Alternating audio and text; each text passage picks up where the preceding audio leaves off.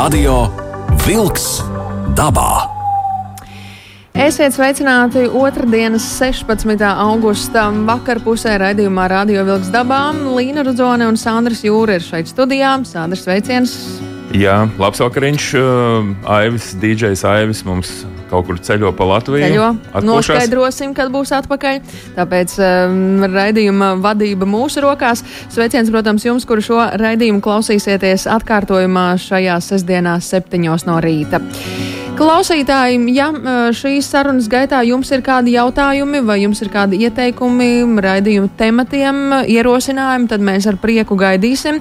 Iesūtiet savas ziņas mūsu mājaslapā www.lr2.lv vai raidījuma gaitā droši rakstiet SMS 29312222, ja jums būs kāds um, jautājums par saistībā ar šī raidījuma tematu. Pagājušajā reizē raidījumā mēs runājām par došanos dabā ar moto šoreiz par velo. Un šeit Jā. studijā ir velo maršrutu eksperts Krišjānis Ratniks. Krišjānis, sveicināti! Sveicināti! Nu, redz, Krišjāni, šodien dosimies dabā. Dosimies dabā ar velosipēdu, riteni. Kā tu, kādu tu nosaukumu izvēlējies ritenim, velosipēdam? Es vairāk pie tā velosipēda pieturos. Labi. Uh, lieliski. Uh, nu, tu esi tā teikt, pieredzes bagāts uh, cilvēks. Uh, gan arī jāsāk um, ar, ar, ar, ar tādu nu, ļoti specifisku pasākumu, no kura tu nesen esi atgriezies. Varbūt iesākam sarunu ar, ar to, ka tu esi atgriezies no 4000 km gara pasākuma. Varbūt pāris vārdos, lai klausītāji saprot, ar ko mums te darīšana.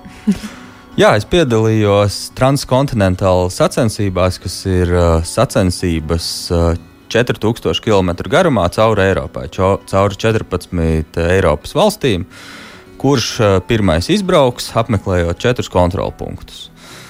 Un, protams, ka tur ir jābrauc pāri kalniem, pašiem jāplāno naktsmītnes, kur arī ēdīs. Nu, kurš, kurš mazāk ēdīs, kurš ātrāk gulēs un kurš ātrāk mīs pedāļus, tas arī pirmais sasniegs finišu. Cik dienās var nobraukt 4000 km? Uzvarētājs nobrauca 9 dienās, es to paveicu 10 dienās, un es ierindojos 10. vietā. Tātad nu, diezgan tev nervs ir spēcīgs, lai varētu desmitajā vietā pasaulē ierindoties. Jā, bet mana pieredze maršrutu plānošanā un, un visā loģistikā un, un pārējo lietu organizēšanā palīdzēja man piepildīt manu praktisko plānu. Nu, sākumā tas bija teorija uz papīra uzlikt, un pēc tam es to praksē pierādīju, ka, ka to var izdarīt. Mm -hmm. Nu, šodien mēs sacensībās nedosimies, bet izmantosim tavu milzīgo pieredzi Un parunāsim par to, kā, kādā veidā un kā vispār var doties atpūtas braucienos, turismu braucienos, arī ekspedīcijas braucienos ar riteni. Uh, un, um, Nu, ritenis, man liekas, ir tāds vis, visdemokrātiskākais veids, kā pārvietoties. Ja ar kājām mūsu pārvietošanās ir samērā lēna, ja tur ir 3 km/h plus mīnus ja ar pauzītēm, tad ar riteni kāds ir pārvietošanās ātrums? Nu, teiksim tā, ka tie ir 11 km/h. Uh, varbūt skatoties pēc reliefa, tie var būt varbūt 10 km/h, varbūt arī 20, bet es, es parasti plānoju visas šīs lietas arī priekš citiem braucējiem, ka tie būs 15, 16 km/h, lai mēs pietiekami attālumu veiktu un arī pietiekami daudz lietas redzētu. Uh, ļoti interesanti ir tas, ka tu esi izveidojis uh, pa visu Latviju, pa visiem, pa katru novadu maršrutu, Ja, tad, tad tu ne tikai dodies dabā ar rīteni, bet arī plāno maršrutu. Tā ir ļoti specifiska lieta. Un, nu, un tad mums vajadzētu sākt ar kaut nu, teiksim, kā izvēlēties sev to braucamo pēc kādiem ir visādi kalnu riteņi, tad ir šoseis riteņi un atpūtas riteņi, un kā tikai nav. Jā, mūsdienās šie velospēdi, vai kā es viņus saucu par laimes transporta līdzekļiem, viņi ir ļoti daudz un dažādi. Un, uh, vispirms mums būtu jāsaprot, uh, kā mēs vēlamies doties dabā. Ja mēs vēlamies būt absolūti neatkarīgi, ņemt visu savu iedzīvi līdzi un celt telti kādā meža ielokā, uh, un peldēties ezeros, un uh, varbūt pat neapmeklēt veikals, paņemt visu pārtiku līdzi. Tad mums noteikti būtu vajadzīgs tāds īsts turisma velosipēds ar kārtīgiem bagāžniekiem, ar, ar somām, kur var visu salikt virsū. šis būs tas neatkarīgais ceļošanas veids, kur mēs esam absolūti neatkarīgi un pilnīgi pašpietiekami. Bet ir otra lieta, ka mēs ar šādu nokrautu velospēdu varēsim veikt gana maz kilometrus dienā, jo viņš būs gana smags. Un tas nebūs viegli. Mm -hmm. Bet nu, neviens vispār neteica, ka, ka ceļot Jā. ir viegli. Nu. Jā, un uh, otrs variants ir, ir tāds minimālisma uh, stilā, kas, kas pašlaik ar vien vairāk Eiropā izplatās un, un kļūst ar vien populārāks, ir uh, ceļošana ar ļoti mazmantām. Tas ir absolūti nepieciešamākais, jo mēs paliekam viesunamos, mēs paliekam varbūt kaut kādās kojās, skolās. Uh, vai arī viesnīcās pa nakti. Līdz ar to mums ir vajadzīgas tādas tikai ikdienas kaut kādas drēbes, pārtiku mēs nopērkam veikalā, pēdam mēs kafejnīcā. Velospēds mums ir viegls, un mēs varam veikt uh, vairāk kilometrus. Mm -hmm. Un nu, šajā gadījumā nu, tad, tad būtu kaut kāds uh, arī turisma velospēds, bet kas ir vieglāks, iespējams, ar šoseis velospēdu var ceļot. Šeit ir uzreiz pavisam vienkāršāk. Mēs mājās paskatāmies, kādas mums velosipēds ir. Nu, visticamāk, mums ir kalnu divritenis, kas Latvijā ir nu, mm -hmm. pārsvarā visiem velobraucējiem. Droši ņemam viņu no nagliņas un dodamies. Jo mums būs kaut kāda maza somiņa aizmugurē pielikta pie sēdekļa stūtes vai arī uz muguras uzlikta. Mm -hmm. Cik vispār, ja mēs tā pilnībā noekipējam braucamo tad cik tur tie kilogrami sakrājās kopā? Ja mēs uh, noekipējam brau, brau, braucamo tādu nu, absolūti neatkarīgi ar telti guļamais paklājiņu, kastrolīti un varbūt arī portīvo dušu, nu, 25 kg nāks klāt. Vēl spēc svērs vismaz kādi 15, 16 ar ekipējumu, nu, tad pareiķinam kopā. -hmm. uh, Tas ir smags transporta līdzeklis, pat repēm uznest viņu grūti, vilcienā iecelt tuvu neiespējami. Mm -hmm. uh, bet uh, mēs esam neatkarīgi. Mums ir pats pašiem savs kempers, principā. Jā. Um, kas ir ar elektroriteņu būšanu šajā modernajā pasaulē, jo arvien populārāk kļūst? Pagaidām Latvijā elektroriteņi varbūt populārāk ir lielajās pilsētās, bet teiksim tā, ka šis, kas ir Eiropā jau gadus 5, 6, pie mums nāk pamazām. Eiropā daudz brauc ar elektroriteņiem, ceļo ar elektroriteņiem, un tas nenozīmē, ka tu esi kaut kāds vājāks vai kā, bet tas dod tev savus 5, 10%, ko tev būs vieglāk uzbraukt kalnā. Jo tāpat pa taisnu ceļu tu visticamāk mīsi to pedāli, varbūt būs mazliet vieglāk.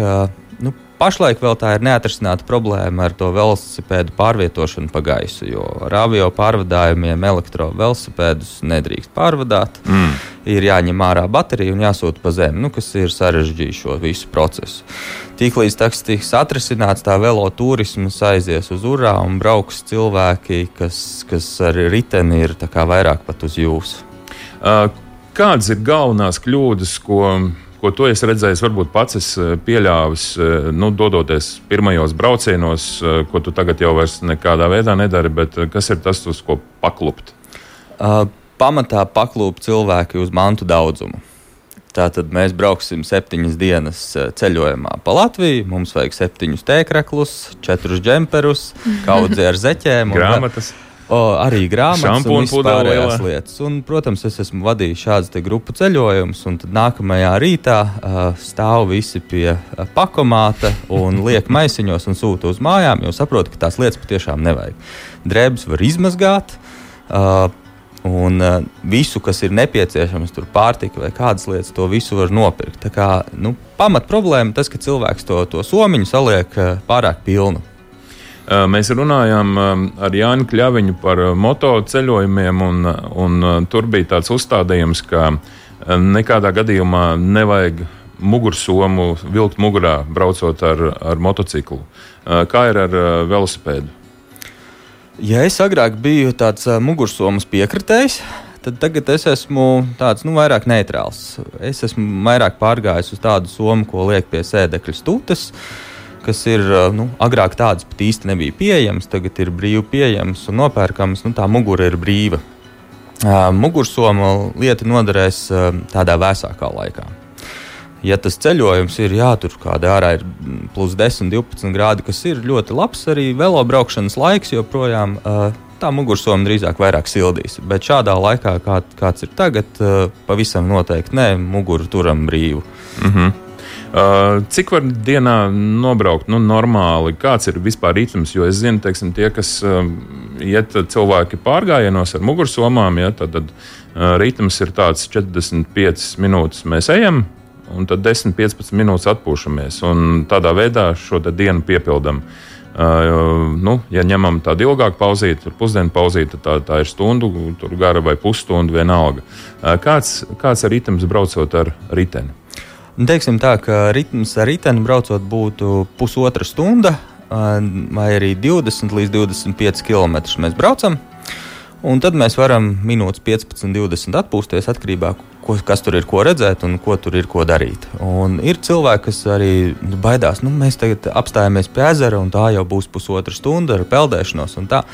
Patiesībā uzņemiet laiku, jūs noģērbieties, jūs ielienat, izpeldaties, jūs saģērbieties. Tas ir aptuveni 15, 17 minūtes, un, un tur tas, tas laiks nemaz neaiziet tik ļoti. Un līdz ar to tajā dienā uh, ja tā ir Latvija, kur, kur tas reliefs ir tāds uh, riteņbraukšanai draudzīgs, uh, mēs varam nobraukt uh, 70, 80 km ar velosipēdu, un, un, un vēl paliks pāri laiks. Tā kā mums būs vēl jādomā kaut kādas aktivitātes, kaut kādas apskates objekts un, un tā tālāk. Radio Wolks dabā. Aiziet dabā! Un mēs uh, turpinām sarunu par došanos dabā ar velo šajā reizē. Jā, Krišjāns ir studijā, pieredzējis cilvēks, un te jau mēs aizkadrā um, turpinājām teikt, sarunu par to, ka ir ļoti daudz nianses. Ja, tā tad uh, ir riteņa izmērs uh, pats par sevi. Tad uh, kā ir pareizi sēdēt uz riteņa, kur svars ir, kas ir ar uh, rokturiem. Pastāst par visām šīm niansēm, jo tās ir tiešām ļoti svarīgas. Nu jā, nu, svarīgi ir tas, ka saprast, kā mēs brauksim tajā uh, velo ceļojumā. O, ja tas būs tāds lēns, mierīgs ceļojums ar, ar daudz mantām, mēs noteikti brauksim lēni. Līdz ar to mums būtu vajadzīgs tāds turismu velospēks, kuram stūri var pacelt augstāk, un mēs varam braukt vairāk ar taisnu muguru. Uh, šādā gadījumā mēs nevarēsim pabraukt ātri, bet mēs varēsim pabraukt ērti. Mēs gribēsim braukt uh, ātrāk, mums būs mazāk mantu. Tātad mums derēs tas kalnu velosipēds, kur mēs vairāk sēžam, mēs noliecamies vairāk uz stūri. Bet uh, nu, it īpaši nepieredzējušākiem cilvēkiem uh, sāpēs muguras, sāpēs rokas. Mm -hmm. Un uh, velosipēds it kā ir tāds, kā es saku, sēdošs sporta veids, bet, uh, bet tomēr nu, mēs nogurstam. Un ir jāpadomā par, par tiem trīs punktiem. Uh, ar kuriem mēs visu laiku saskaramies ar velospēdu. Tas ir, mēs turamies pie stūres, stūres rokturiem. Kādiem ir jābūt, jo visērtāk ir turēties nevis pie apaļas virsmas vai pie apaļa priekšmeta, bet pie, pie ma mazliet ieliekta, pie plakaniska. Un ir speciāli stūres rokturi, kas, kas ir ērtāki, kas nav apaļi. Uh, Jāpadomā par pedāļiem, kur mums visu laiku kājas būtu, lai kājas neslīd. Ja mēs izmantojam klipšu pedāļus, nu, lieliski, ja mēs izmantojam parastos pedāļus, tad viņiem būtu jābūt tādiem, kur vairāk arī tā kurpe tomēr bišķiņi ieķerās, nevis noslīd no, kā, no, no pedāļa. Un mums ir, protams, vēl arī sēdeklis. Un, um, visbiežākās problēmas, ko es arī dzirdu no klientiem, ka uh, sāp dibens pēc braukšanas, mm -hmm. un braukšanas laikā sāp. Uh, Pirmkārt, tam sēdeklim ir jābūt atbilstošam velosipēdam. Tā kā, nu, ja velosipēdu mēs nopērkam veikalā, uz savu galvu neskrienam mainīt sēdekli. Un jo platāks sēdeklis, jo viņš ir paredzēts eh, īsākiem pārbraucieniem, tāpēc pilsētas divriteņiem tie ir tādi plati sēdekļi. Savukārt, turisma riteņiem eh, viņi ir šaurāki, jo vairāk stundas mēs pavadīsim uz sēdekļa, viņam jābūt šaurākam un cietākam. Bet šeit komplektā noteikti vajadzētu arī uh, velo apģērbu ar kādu polsteri. Mm -hmm kas, kas vienkārši nu, saglabās to, to braukšanas komfortu, nu, kas, kas ir svarīgi. Nu, Tādas speciālas bikses, kurām ir tāds polsterējums. Jā, jā.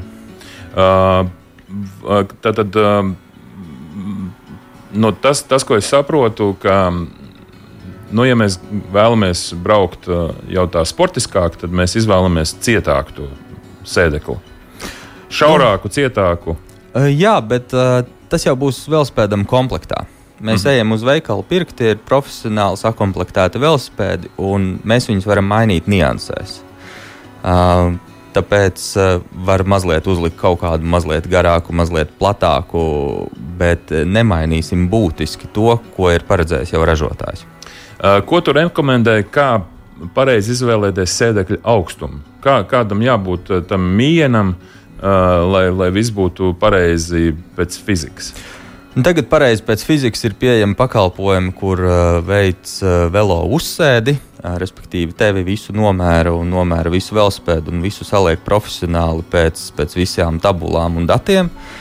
Uh, ja mēs šo pakalpojumu negribam, nevaram vai negribam atļauties, uh, uh, mēs apsēžamies uz mūsu velosipēda, uh, uzliekam uh, nu, abas kājas pie zemes un lai viņas stabili ir uz pirksgaliem. Mm -hmm. Tas būtu tāds aptuvenais rādītājs. Nesaku, ka tas ir visiem un vienmēr pareizi, bet, bet tā, lai mēs jebkurā gadījumā varam uh, pielikt vienu kāju vai otru kāju, negrīļojoties. Mm -hmm. Un tas būtu tāds, tāds viens no rādītājiem. Otrs ir tas, ka, ja, pedāli, ja mēs uzliekam kāju uz pedāļu un nolaižam līdz pašai lejai to pedāli, kājai nav jābūt pilnīgi taisnai. Viņa ir mazliet paliek ieliekta. Nu, tas ir līdzīgi kā, uh, kā automašīnā. Mēs izspiežam sajūgu, mēs neizspiežam kāju, mm -hmm. tā kā pilnīgi neiztaisnojam. Mēs viņu mazliet paliek ieliekta. Mm -hmm. Labi. Uh, kas ir ar drošību? Uh, drošība, tātad ķiver ir pats svarīgākais priekšdrošības vai cimdi. Uh, nu, teiksim tā, cimdi ir svarīgi, bet ga galva ir daudz svarīgāka. Un ķivere ir vajadzīga ne jau tāpēc, ka mēs tagad noteikti kritīsim vai mūs noteikti notrieks.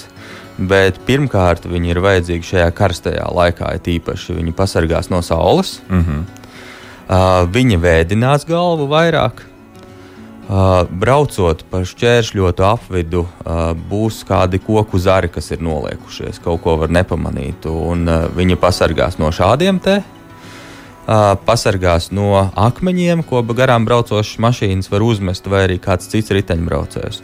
Un galu galā viņa, es ceru, ka nevienam nekad nenoderēs, bet pie kritieniem viņiem var pasargāt galvu. Eh, es skatos, tu esi arī atbraucis šodien eh, uz, uz studiju, uz rādio ar eh, rīteni, un tev ir tie speciālie apavi, ka tu tā kā ieklipsējies iekšā pedāļos. No mana viedokļa liekas, nu, tu esi tāds saslēgts ar riteni, ja tu krīti, kā tas tur ir. Tas ir tieši tāpat, kā mēs visi esam slēpojuši ar distanču slēpēm. Ah. Vienmēr mūsu kāja ir pielikta klāt pie tās slēpes. Mm. Mēs, mēs nokrītam, un tā slēpe kaut kur aizslīd, un mēs paliekam nokrituši. Ar, ar velo šādiem pedāļiem ir tieši tāpat. Un, nu, šeit palīdz tas, ka kāja nenoslīdēs no pedāļa. Un uh, palīdzēs tas, ka mēs varēsim arī celt to pedāli uz augšu. Nu, līdz ar to mums mazāk spēks būs jāpatērē, lai mēs tiktu uz priekšu. Bet līdz tam, tam ir jāizaug, un tāpat kā nu, ne visi kāps arī uz tām pašām kalnu slēpēm, kur ir kājas jāpieliek pie slēpēm klāt. Nu, tas nav tāds obligāts variants. Kas ir ar ātrumiem? Jo vairāk ātrumi ir ritenim, jo, jo labāks ritenis vai kā? Nu, tā jā, ir 27, ir 30 ātrumi. Tagad jau vairāk pāriet uz to, ka priekšā ir viens zobrats un aizmugurē tur ir 10, 11, 12. Bet jā, ātrumi ir paredzēti tieši tāpat kā automašīnai, lai mēs viņus pārslēgtu, lai mēs brauktu vieglāk uz priekšu. Tiktu. Nu, no luksusforma mēs sāksim ar vieglāku ātrumu, braukt kalnā mēs brauksim ar vieglāku ātrumu. Un tad, kad vējš būs mugurā, mēs ieslēgsim grūtāku saucamu ātrumu un mēs vieglāk tiksim uz priekšu. Tie ātrumi, kas ir ritenim, ir visu laiku jāizmanto, un tāpat ir jāizmanto arī bremzes. Jā, gandrīz vienmēr ir jābremzē ar abām divām bremzēm. Nevis tikai priekšējo vai tikai aizmugurējo bremzi. Mm -hmm. Jā, tomēr ar abām. Ja. Tomēr ar abām, jā, jo tad vēl spēc efektīvāk apstāsies un uh, neizslīdēs aizmugurējais rats. Un, uh, un mazāk arī dils tās visas komponentes. Uh, kas ir ar pašu rāmi, vai tur ir kāda specifika, ko tu varētu padalīties kādās gudrībās? Uh, nu, karbona vai oglekļa šķiedras rāmji ir visvieglākie. Uh, tur var ietaupīt velospēdu svaru, bet nu, lielākoties visi velospēdi ir taisīti no alumīnija rāmjiem. Un, tas ir tas tirgu pieejamākie un, un par pa atbilstošām cenām, un tā, tā starpība nav nemaz tik liela. Nu, galvenais, ja mēs tomēr gribam tam velosipēdam kaut kā samazināt svaru, jo, kā zināms, jo, nu, jo smagāks ritenis, jo grūtāk iet uz priekšu, tad vairāk būtu jāskatās uz visām rotējošām detaļām. Tīri pēc fizikas, nu, būs vieglāk rati, vieglāks riepas, vieglāk arī velosipēds ripos uz priekšu. Bet, lai dotos tādā veloceļojumā, tas absolūti nav tas, tas svarīgākais. Un, varbūt tur uh, lie, lieki paņemti krekliņi, kā līdzi nu, to visu ietaupījumu diez drīz vien noraks. Klausītājiem atgādinājām, ka šodien uh, raidījumā Radio Vilks dabā šeit uh, Latvijas Radio 2 studijā ciemos ir velo maršrutu eksperts Krišjānis Ratiniks. Radio Vilks dabā. Aiziet dabā! Ejam dabā kopā ar Krišjāni, velo maršrutu eksperts. Un, um, un tātad, nu, kā tur ar to drošību, kā tur ar to drošību, kā nosargāt uh, savu velosipēdu, uh, lai nav jāpārtrauc ceļojums uh, pusceļā. Jā, izrunājām par drošību, par, par pašu braucēju drošību, protams, arī par savu uh, laimes transporta līdzekli arī ir jāparūpējas. Uh, iespēju robežās nekur neatstājam. Jo, ja arī mums ir līdzi saslēdzējs, kurš ir plus mīnus drošs uz katru garām gājēju, nu, to, to varēs pārsniegt tikai īstenis zaglis. Mm -hmm. Bet mums paliek velo somas uz velosipēda. Un mēs pie katra veikala tās neņemsim nost. Tātad, eh, ja mēs braucam grupā, vienmēr vismaz viens paliks ārā, kurš to sargās. Ja mēs braucam vieni paši, nu, pie lauku veikaliņiem, tā kā vairāk ir drošāk. Un, uh, nu, man pašam arī laukos nekādi starpgadījumi nav gadījušies. Pilsētā pie lielveikala neatstāsim riteni. Nu, tas nu, skaidrs, jā. centīsimies viņu dabūt iekšā, vai arī iepirksimies tikai mazajos veikaliņos. Tā kā nu, tiklīdz mēs atstājam riteni ārā un prom no acīm, viņš var pazust.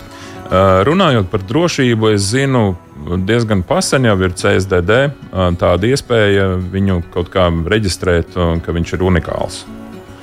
Lai tu pēc tam vari pierādīt, ka nu, tas bija mans velosipēds. Tāpēc, ka tur tas otrreizējais tirgus ir diezgan plašs. Uh, jā, bet uh, mašīnas arī zog ar visiem numuriem. Un, uh, no, iespējams, ka kādu zagli atturēs šī uzlīme, ka velosipēds ir reģistrēts. Tas noteikti par sliktu nenāks, bet uz šo te mēs nevaram paļauties. Tātad, jā, varbūt kāds nezina, vienkārši mēs varam CSDD uh, reģistrēt savu braucamo, uh, teiksim, tā, piešķirt viņam kaut kādu unikālu numuru. Un, uh, ja mums uh, na, iz, izdodas viņu kaut kādā veidā kaut kur atrast, tad uh, mēs varam pierādīt, ka tas ir bijis mūsu velosipēds. Tur... Nu, tieši tā, uz, uz šo atrašanu, jo ir uh, diezgan daudz informācijas. No policijas nāk, ir atrasta velospēda, bet ne, viņi nevar atrast īpašnieku. Nu, īpašnieku var atrast tikai tad, ja tas ir kaut kādā datu bāzē. Nu, jā. um, ejam tālāk. Tad, tad, um, tu tiec pieteikts kā velo maršrutu eksperts, un um, šī maršrutu um, padarīšana ir nu, tāda specifiska. Kur braukt, kā braukt, kādu apli braukt, vai no punkta A uz punktu B, izmantojam sabiedrisko transportu, tad, eh, lai nokļūtu, pastāstīja par šo maršrutu plānošanu pa visu Latviju. Jā, es daudzus gadus esmu pats apceļojis Latviju, krustu šķērs izbraukājis, atradis uh, skaistus ainaviskus ceļus, uh, kādas īpašas vietas, un es to esmu vēlējies parādīt arī citiem cilvēkiem, jo nu, dalīšanās prieks ir lielāks prieks. Un, un tad es esmu uzsācis tādu projektu, kas principā pašlaik ir arī pabeigts. Mums bija novada reforma. Mums pašlaik Latvijā ir 36 novadi. Un katrā no šiem novadiem es esmu uztaisījis apļveida velo maršrutu. Tas ir tā, kā es redzu šo novadu. Un kādas tur ir ainavas, kādas ir kaut kādas apskates vietas. Un šie varbūt daļēji pārklājas ar kādu oficiālu velo maršrutu. Nu, nebūtu nevienmēr es, es, es izvairījos no šī oficiālā maršruta vai kā. Bet es esmu to visu apkopojis, un visi 36 maršruti ir arī apskatāmi un ir arī lejuplādējami uh, GPX failos, un ir arī maršruta apraksti. Uh, Es vairāk esmu uzsvaru licis uh, uz drošību. Tātad šie ir pa mazajiem ceļiem, pa meža ceļiem, pa grāmatas ceļiem, mm -hmm. apējot uh, uh, lielās šoseis. lai mēs, un it īpaši es esmu braucis, es esmu izbraucis visu šo maršrutu, dažviet pat uh, visos 50 km mēs satiekam divas, trīs automašīnas. Uh, noteikti katrā maršrutā ir vairāk meža dzīvniekus, kurus var satikt, mm -hmm. un uzsvers ir uz ainavām. Tātad, lai mēs ar velosipēdu jebkurā vietā varam apstāties un nofotografēt, izbaudīt šo skatu. Un, uh, vai tā būtu ezeru skats, vai, vai kāda tur lauku ainava, vai, vai mežu, vai pie jūras. Un, lai tas būtu baudāms, nu, mm -hmm. gandrīz jebkuros laikapstākļos un gandrīz jebkurā gada laikā. Un tas ir tāds vienas dienas maršruts. Nu, teiksim tā, ka šie maršruti ir 50 līdz 70 km gari, un viņi vairāk paredzēti kā vienā dienā, bet jebkurā gadījumā pa vidu ir kādas apdzīvotas vietas, vai arī kāds viesunams, un to droši var braukt arī ar visu ģimeni kaut vai divas dienas. Eh, tas tā nav noteikts. Būs sportisti, kas to nobrauks divās, trīs stundās, eh, bet nu, tāds, tāda vidēji tam būtu jāparedz tomēr eh, tāda vesela diena. Mm -hmm. Uh, kā mēs izskatāmies pasaules kontekstā, Latvija kā velo turisma zeme? Uh, es zinu, ka ir maršruts arī velo uh, mar maršruts iet cauri Latvijai. Ko tu vari, kā tu skaties uz to? Uh, jā, ir vairāk tādi Eiropas garie velo maršruti, kas iet cauri Latvijai. Uh, bet uh, Nu, es esmu daļa no viņiem arī braucis. Ir daļā problēmas, un es esmu ar šīm problēmām arī vērsies pašvaldībā. Konkrēti ir, ir par šiem piejūras maršrutu, kas iet, kas iet no Rīgas uz Salacgrīvu, uh, kur uh, es esmu saskāries, esmu centies palīdzēt arī vācu turistiem, kuri nezina, kā tikt. Un, Un tad viņi ir iebraukuši pie ķurmraga, un tur ir priekšā šlagbaums, privāti īpašums. Un ko viņam darīt ar savu 45 kg smago riteni, stumt gar jūras krastu vai kaut kur caur mežu nest vai kā. Ir problēmas, un, un arī šajos maršrutos, ko es esmu sastādījis, Viens ir apstīties kartē, smuki ceļi, aizbraukt dzīvē, ceļš, ceļam priekšā šlagbaums, žoks, suņi un tā tālāk, jo tur ir privāti mm -hmm. īpašumi. Tā kā, nu, es teikšu, ka ir, ir mums problēma ar, ar privāti īpašumiem un ne tikai manis pašveidotajos maršrutos, bet arī jau, kas ir pašvaldību līmenī, kur, kuru gadiem nespēja atrisināt. Mm -hmm. Un kā tu domā, kur tur ir tā problēma? Uh, nu, problēma ir tāda, ka, ka zemes īpašnieks uh, nu, nevēlas, vai, vai kādā veidā viņš ir ieguvis šo, te, šo, te, šo te īpašumu. Viņš nevēlas, lai caur viņa zemi uh, kādas trešās personas dotos cauri. Un, un ir problēmas ar servitūru ceļiem. Un, un ir, ir, ir, ir diezgan. Tāpēc, ja jūs skatāties kartē un, un to, ko jūs redzat kartē, nevienmēr tas atbildīs dabai. Mm -hmm. Nu, jā, tāda problēma ir pie jūras īpašumiem vai pie upēm, kur cilvēks izdomā, ka osu josla tā, nu, nav domāta priekš viņa. Un, un tā tālāk, un tad ir vēl visādi skraidoši suņi. Bet ko tu, ko tu varētu teikt šiem privāti īpašniekiem? Jo man liekas, veloturisma cilvēki ir nu, ļoti draudzīgi, līdzīgi arī kā pārgājienu cilvēki, varbūt ar kādu ūdeni. Uh, tēju tur pasniegt, varbūt kādas pusdienas uztaisīt, vai vienkārši ļaut cilvēkiem izbraukt cauri?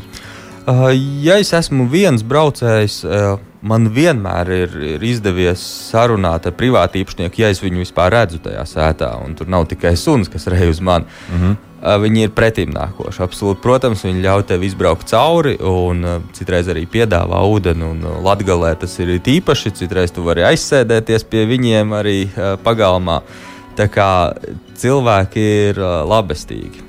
Protams, ja, ša, ja uh, tur pēkšņi sāks braukt bariem cauri riteņbraucēju un, un vēl atstās kaut kādus gružus, uh, nu, neviens privā, privāti īpašnieks nebūs ar to mierā. Bet, uh, kas attiecās uz viesu namiem, un kur iet velo maršruti ar viesu namiem, viņi parasti ir uz biznesu tendēti cilvēki, un viņi sāk saprast, ka riteņbraucējs ienesīs krietni vairāk naudas nekā autobraucējs. Mm. Riteņbraucējiem vajadzēs biežāk apstāties, viņam vajadzēs pāriest, padzerties un arī nakšņot.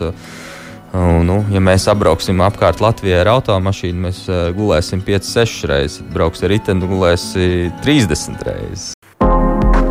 Radio Wolks dabā. Aiziet dabā!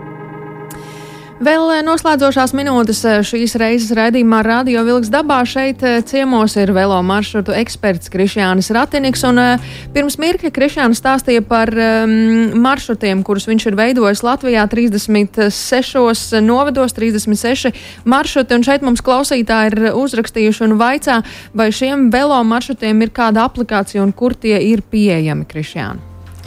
Uh, maršrutus var, var atrast velomens.lv vai arī vienkārši googlē ierakstīt novadu velo maršrutu, vai ir tāds projekts Istina Latviju. Un, uh, tur varēs nonākt gan līdz pašiem maršrutiem, uh, gan arī uh, tur būs viss parādīts ar visām aplikācijām, kā viņus var lejuplādēt un kā viņus var izsekot telefonā vai kādā citā ierīcē. Nu, labi. Nu, bet tad uh, ejam tādā pasaules kontekstā, un kā, kā Latvija izskatās uz šīs velo cilvēku kartes, kur mums ir kur augt, kur doties Eiropā, kādā pirmā vai otrā ceļojumā, ko tu rekomendē. Bet nu, tad sākam ar to, kā mēs izskatāmies pasaules kartē. Mēs izskatāmies tā, ka mēs braucam Latvijā pa koplietošanas ceļiem, jo mums tādu nu, Mm, velo ceļu īsti nav.